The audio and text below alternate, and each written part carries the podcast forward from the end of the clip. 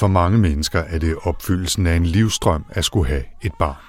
Men desværre er det ikke altid, at graviditeten går efter planen, og rundt omkring i verden dør hvert eneste år millioner af kvinder og børn i forbindelse med fødslen eller på grund af efterfølgende komplikationer.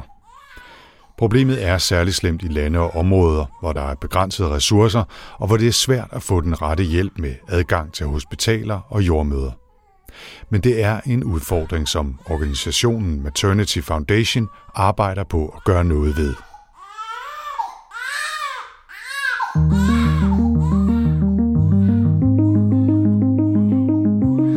Velkommen til AI Danmark podcast. AI Danmark er et treårigt projekt, som hjælper små og mellemstore virksomheder med at komme hurtigere i gang med at udnytte data og AI-værktøjer i deres digitale omstillingsproces. I podcasten taler vi med en række af deltagerne om deres oplevelser og erfaringer med at implementere AI-løsninger, og vi skal også møde nogle af de eksperter, som har hjulpet dem undervejs.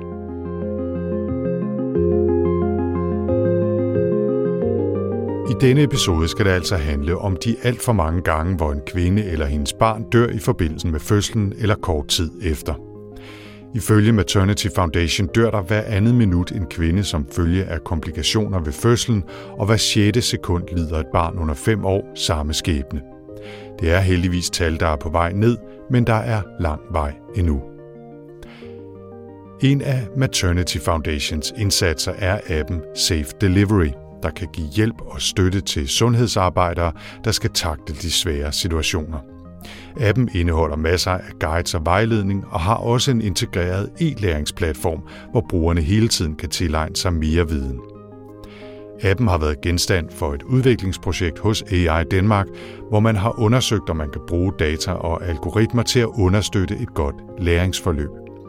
Det fortæller denne gang Astrid Grønbæk fra Maternity Foundation og Daniel Hein fra Aalborg Universitet. Og jeg skal lige for en god ordens skyld sige, at interviewet med dem begge foregår på engelsk, men jeg springer ind med lidt opsummeringer og supplerende forklaringer undervejs. Jeg hedder Anders Høgh Nissen. Endnu en gang velkommen til.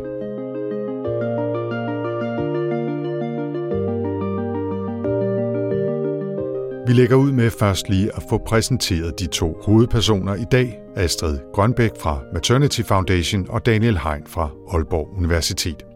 Og vi begynder med Astrid. So my name is Astrid Grønbæk, um, and I work in Maternity Foundation as a lead of our small insights learning and research hub. Uh, I have a background in economics and development studies and worked in different organizations before with data analysis and automating of reports, etc. And I also work with this type of uh, tasks in Maternity Foundation. And what is the uh, Maternity Foundation, please? So, Maternity Foundation is a, a, small international NGO. It started out as a small Danish NGO more than 10 years ago that works to make births and deliveries safer for women everywhere in the world. A lot of the causes for their deaths are preventable, and something can be done about them, which maternity tries to contribute to towards this work uh, by providing training and access to, uh, to content and clinical guidelines for midwives and skilled birth attendants across the globe. And we'll return to, to one of your uh, initiatives, the, uh, the app, and what you're working with in the AI Denmark project. But I'd like to introduce our second guest as well today. Daniel, please uh, introduce yourself. My name is Daniel Hain. I'm an associate professor in data science and innovation economics at the Aalborg University Business School there I do a couple of different things. When I do research, it's mainly related to technology forecasting and technology mapping. So I use a lot of big data, machine learning, AI, whatever techniques to figure out how is technology developing in the future and how will that impact society and economy. And we developed a couple of initiatives at our AI Growth Lab, how to bring that closer to policymakers and businesses as well, where this AI uh, implementation consultancy within the AI Denmark project is a good example for. Astrid, uh, returning to you, um, tell me a bit about your your your case with AI Denmark. What it is uh, that you've been working on? Yeah, so um, as one of the different initiatives under Maternity Foundation, the smartphone app uh, called the Safe Delivery app was developed back in 2017. Some uh, exploratory work started even before, uh, and that's a smartphone application that contains clinical guidelines for midwives an, uh, animated instructional videos as well as a section on self-directed learning where you can quiz yourself in the clinical content. Um, and this app is used by, by yeah, midwives across the globe. Um, but we had this uh, feeling that we could probably uh, collaborate with some data scientists and AI experts to explore how we can improve the user experience. So there are many ways to do it, uh, but we wanted to see if we could explore how to personalize uh, maybe the notifications or the content uh, according to how a specific user has been engaging uh, with the app. So that was the starting point for engaging with uh, Aalborg University and through them uh, AI Denmark. So tell me a bit more about the app, please. Uh, what is the purpose of it? What is in it? Uh, how is it uh, being used out there? The app was originally developed uh, to contain yeah, information and these instructional guidelines and animated videos uh, targeting the most common complications that occur during uh, pregnancy and childbirth, um, and was developed to midwives and skilled birth attendants who might be working in remote areas in smaller health clinics. It was developed initially together with healthcare workers in Ethiopia in the countryside, where these uh, complications don't occur so regularly, which means they might not be up to date on how to handle them when they occur. So the app contains yeah, these practical procedures, which contains these are the steps you should do to manage complications such as, uh, for example, severe bleeding, uh, usually after childbirth or infections, uh, high pressure, blood pressure during pregnancy, or other complications from the delivery or unsafe abortion. And Astrid, how many people are using your app? Since its launch on a global scale uh, back in 2018, we've had more than 300,000 downloads. Uh, that's mostly across low and lower middle income countries, of which India is one of our big countries, but other countries such as Bangladesh, Myanmar, uh, Laos, Cambodia, and, and, countries across the African continent have seen high usage. Um, today we have around some 30,000 active users on a monthly basis, and we continue to engage in partnerships and, and, roll out the app to new countries or maintain relationships with partner countries. Uh, so we have a continuous flux of users. And I guess a part of the app also is uh, certifications or at least uh, e-learning of some type, um, which is important here, right? Yeah, so that's uh, exactly correct. Uh, what we've learned over the years in partnership with um, that can be nursing or midwifery councils in the countries where we are implementing is that it's particularly it can be particularly useful for the midwifery associations to or the councils to uh, to take this certification that already lies within the app and accredit it so it becomes an integrated part of their professional development system. And that's in many countries a midwife or a, a nurse who also attends births will have to relicense every so and so many years. And to relicense, they will need to accrue these uh, professional development points. And that's where this uh, Safe Delivery Champion certificate, which is embedded within the app, can become part of these accreditation setups in the different countries. Maternity Foundation har altså allerede gjort et stort arbejde med deres app, med undervisningsmaterialet og med indsatsen for at uddanne flere sundhedsarbejdere. Men samtidig har de også slået med, at en del af brugerne ikke har taget en optimal tur gennem læringen. Nogle har forsøgt at tage deres certificeringsprøver, før de egentlig havde den nødvendige viden. Andre er måske ikke gået videre, selvom de faktisk var klar. Den udfordring er blevet omdrejningspunktet for Maternities projekt i AI Danmark, fortæller Astrid. The case we jointly identified is to see and explore if people, if the users, the healthcare workers, are starting this uh, certification uh, process at the right time. Because we had been looking at how they engage with this uh, uh self-directed learning platform called MyLearning, and we noticed that some go in quite soon they try out one of the quizzes and then they fail and then they might be discouraged and never try again. Uh, so we had some good conversations back and forth to kind of identify what would be the most relevant uh, area of the app to look at. And this is something where it's Maternity Foundation, but also a lot of our partners are, of course, interested in supporting the um, the learners to have the best possible learning journey and not get started too soon and then get discouraged if it's a little bit too difficult or they don't proceed as they had expected. Daniel, uh, switching to you for for a second or two, will you tell me please about the AI Denmark case that you worked on with uh, with Maternity Foundation, seen from your particular perspective? What what type of a, a problem is this case? So let's start from the beginning.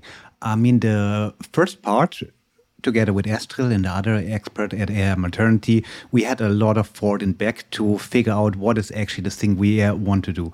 Because quite often when we have in AI Denmark or in other getting started with AI formats, companies, one of the problems is they would like to do a lot of things, but they don't have a lot of data to get air walked with, with that. Here in this case, when we have a app or a learning platform which has a lot of users or a lot of data, that was not the big problem. Then the problem is a bit more the other way around. So you have this app and users engage with it, and there's kind of a learning uh, journey and like a lot of different things users can do. And then the question is, okay, how can we optimize the learning experience? And that can be ta- tackled from many, many dif- uh, different ways. We can nudge them to do more of these, do more of that, stay longer in the app, um, improve the click-through uh, rate, match them with other users to you know a lot of different mechanisms can be in there. So when you're talking about ai it's uh, mainly about predictive modeling. We're developing an algorithm that predicts something we didn't know before but it would be interesting for us. So when we finally came down to this predi- uh, prediction who should enter My Learning or not then the main part of the project was already solved because most of the algorithms we can use in there are simple out of the box algorithms which after you massaged and transformed all the all the data to the format the computer liked that was not a big problem. So really figuring out how to come from A, we want to improve the learning experience, to B, we want to predict when a user should go to uh, My Learning or not. That was uh, the big task. And then to operationalize that, which was basically a user should go there at the point when the the, the probability that this person passes the text, uh, test is maximized. Because then again, to avoid what, as Astrid said, what we actually saw in the data, that when users take them too early, they most of the time fail. And that is the point when the probability that they will not use the app afterwards anymore. So discontinued air usage is highest. You mentioned that um, you had a lot of data to work with uh, from from the app. What, what, types of data did you did you get access to here?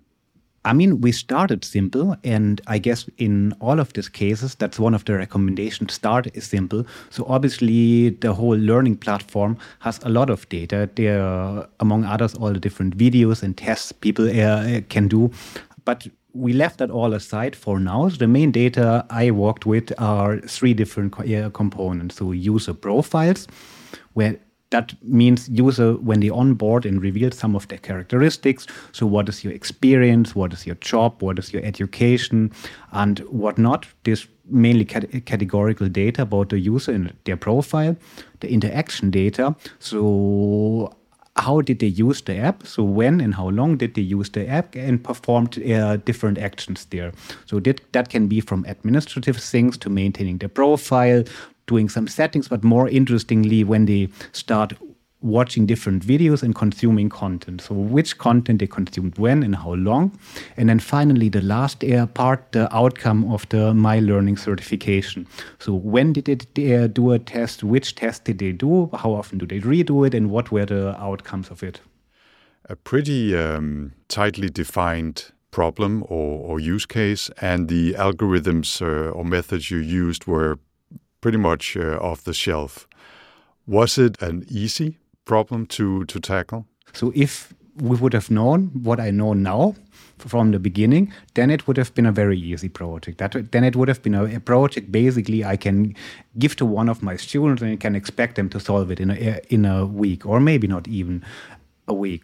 Getting there, not that simple. Because then again a lot of things are possible but you also need to come to this final decision and understand how to model that. A lot of domain expertise in terms of how is the data you're looking at which is very rich but also complex how is it generated? So how do um, clients and users interact with the app? What are the uh, regulations in the app that steer how they can actually interact, what is possible and what not, to give meaning to the data. And we had quite a couple of times where we actually misunderstood some of the uh, data we saw and assumed users are doing a certain thing, but in the end they did something else, or the data just looked like that because there were some regulations they had, and we had to change the modeling uh, again.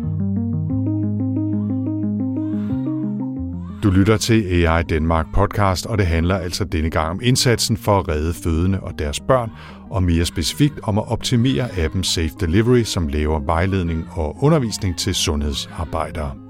Vi taler med Astrid Grønbæk fra Maternity Foundation og Daniel Hein fra Aalborg Universitet. Som Daniel fortalte før, så har AI Danmark-projektet ikke nødvendigvis været det allermest teknisk komplicerede. Men når det er sagt, så kan man hurtigt støde på små og store udfordringer i den videre udrulning af løsningen. From our perspective as an organization, we've been trying to explore uh, how to work with this in, in various ways and how to make more use of our data. We do do regular analysis and analyze how users engage with different types of content. But the very important point that Daniel also brings forward about keeping it simple enough because we are a, an organization with a smartphone app that is targeted at low and lower income countries. Some users have regular and good access to the internet, others have very irregular access to the internet. So we also spent quite some time on discussing what kind of solution can be still useful and provide a better user experience for a user who's not connected all the time because some of the learning apps that we might be familiar with in our everyday life, like Duolingo or other language learning apps, require this continuous connectivity so it can constantly adapt to how you are engaging with the app, which is, is not the model we were aiming at. So these conversations around really uh, thinking the context into the model was uh, one of the things that were really helpful for us in the collaboration with uh, Daniel and, and Roman to yeah keep it simple enough that we see, see this can be something that can be implemented and where we can do some tweaks and changes, but then test it out gradually. Um, also, we are that, at that point now where the uh, predictive modeling has been done, but we are then now preparing to setting up so we can start implementing some of these modified push notifications, for example. That's where we've agreed we'll start to prompt these users depending on what the predictions say, to either wait, hold back a little bit, try watch this video before you jo- go into my learning and start a quiz, or prompt them to start a quiz if, if it's predicted that they are now ready. So we are still in this last uh, phase of the implementation, trying to set it up so we can have the, the full loop but you are actually going to to roll that out to all your users, or will it be a, a small subsection of, of users? What what is what is your strategy here? So that's still to be fully decided, but the plan is to roll it out to a smaller subset of users in one of the countries where, we see they are better connected. So some of the users who can make, what can I see, who can reap the benefit of this in the near term. And then, depending on how that goes, maybe scale up. Yeah. But it, it, does seem that you are pretty confident that it will work and that it will be a benefit uh, to to you and your users. Are you thinking of this as a more or less a done done deal in terms of uh, rolling it out?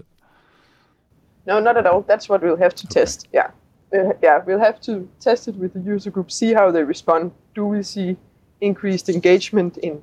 Ideally, we would want to see that they progress uh, in a more positive way in these tests. Um, alternatively, we will also be happy if we just see the engagement with the clinical content going up, because that does remain the, the core of the app as mm. well. So, but that we'll have to test, and then feeding back, see did they respond positively to these more personalized uh, notifications or not. Uh, if they don't, then maybe we explore another path.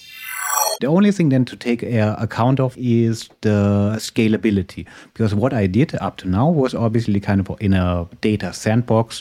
So we have uh, a small subset of the whole data where we did some experiments on and how it for sure works in a live environment and how that works computationally.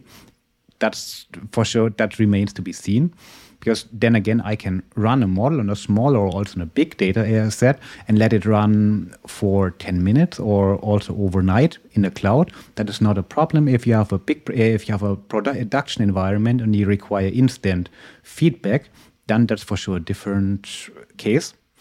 So that's one of the challenge remaining and also the question is how will the user react because what we are we are from our part like machine learning and um, data science AI implementation experts, we know very little about uh, learning within one of these learning apps and uh, platforms.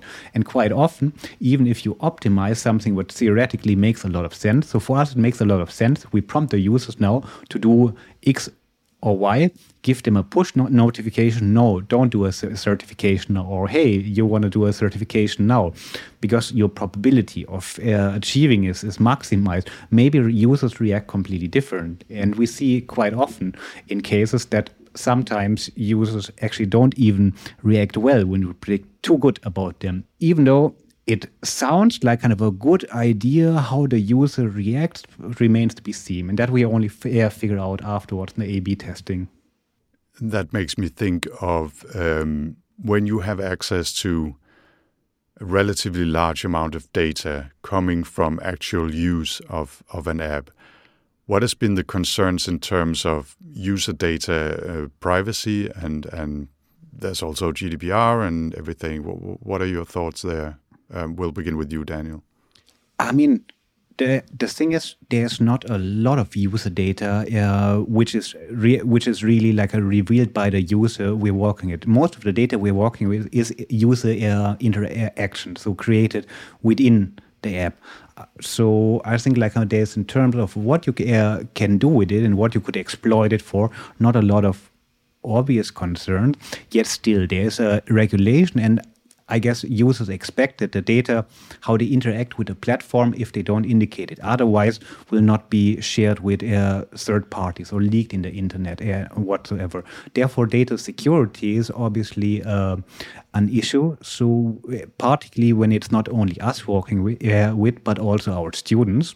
So, we from the beginning uh, define a process that also our students only can work with the data in a secure cloud environment we set up uh, with them, which then coming back to GDPR also makes sure that everything is uh, GDPR conform. For example, that all the data is only um, stored on Europe European servers. So things like that are obviously important, even though I don't think there is uh, a lot of critical things that could happen but like all of this project you need to take them uh, you need to take them serious because after all even though nothing bad would happen it could uh, undermine the um, confidence obviously of our client in our project in our work but on the other hand also the clients like maternities um, reputation among their clients and users Astrid, is that something you've uh, thought about as well? The um, the use of data, whether they're particularly private or not, uh, in in terms of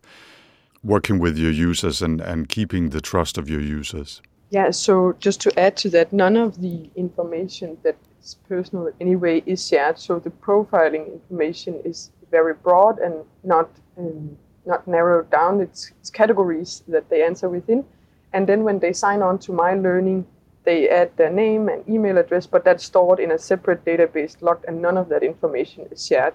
So, uh, which is not not directly linked to the data that has been shared. So in that sense, there's also uh, what is the right expression as as uh,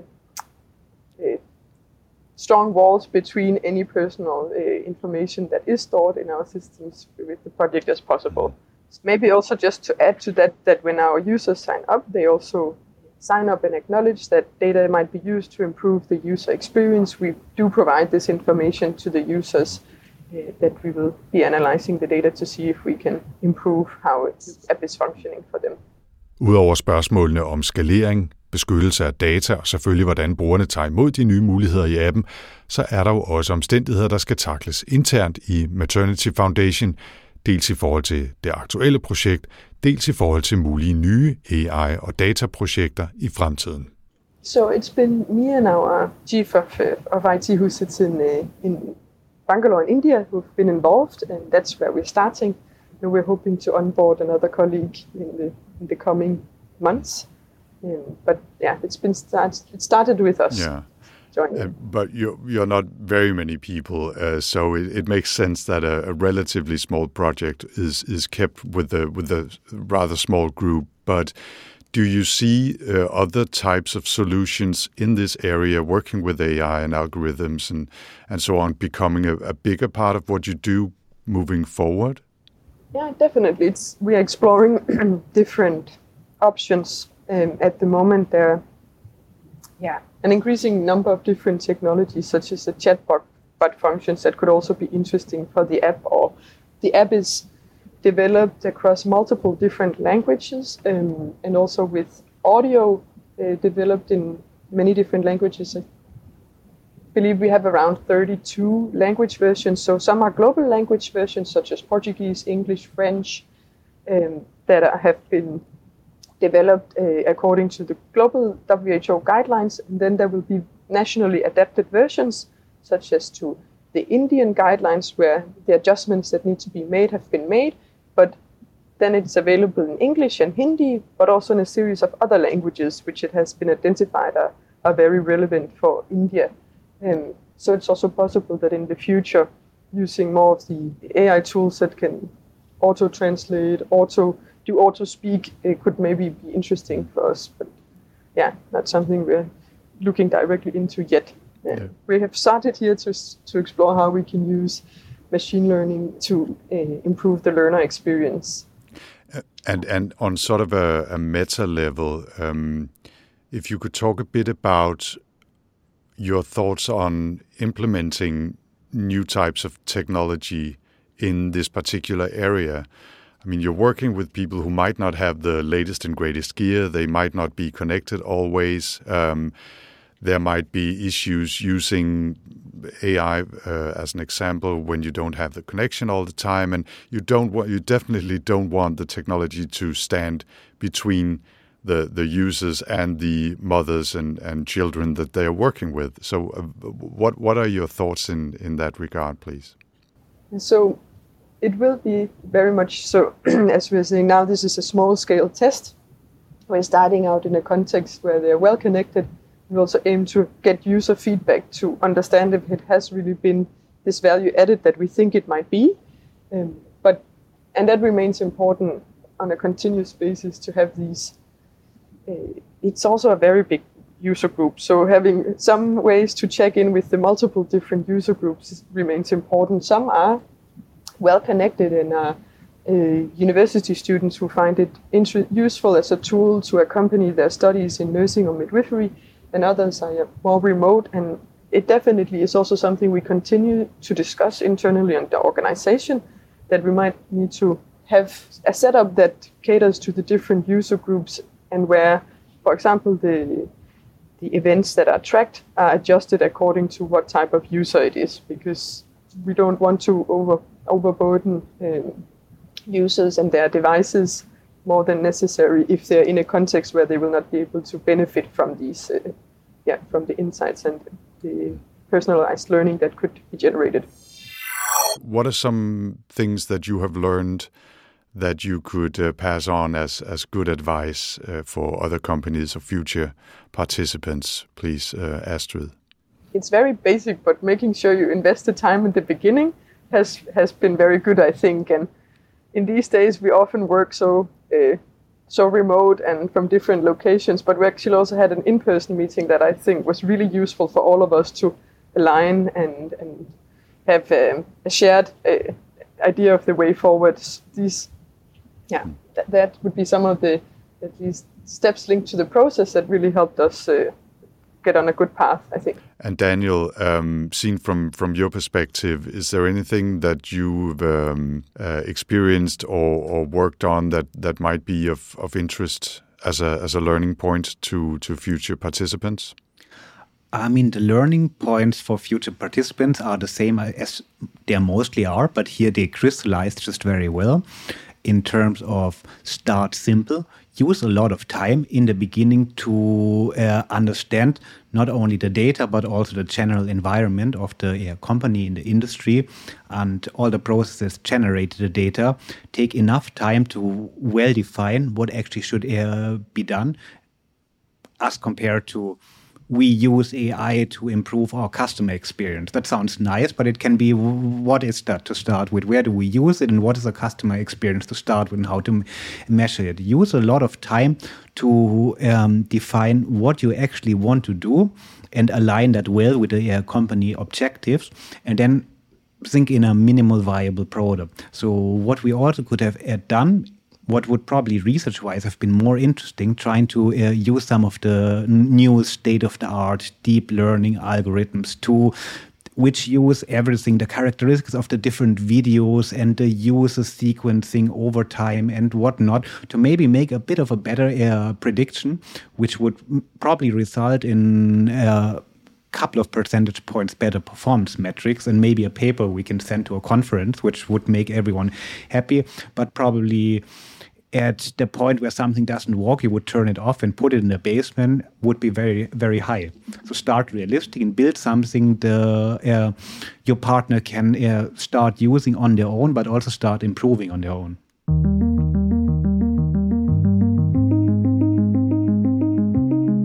Med det slutter denne episode af AI Danmark podcasten.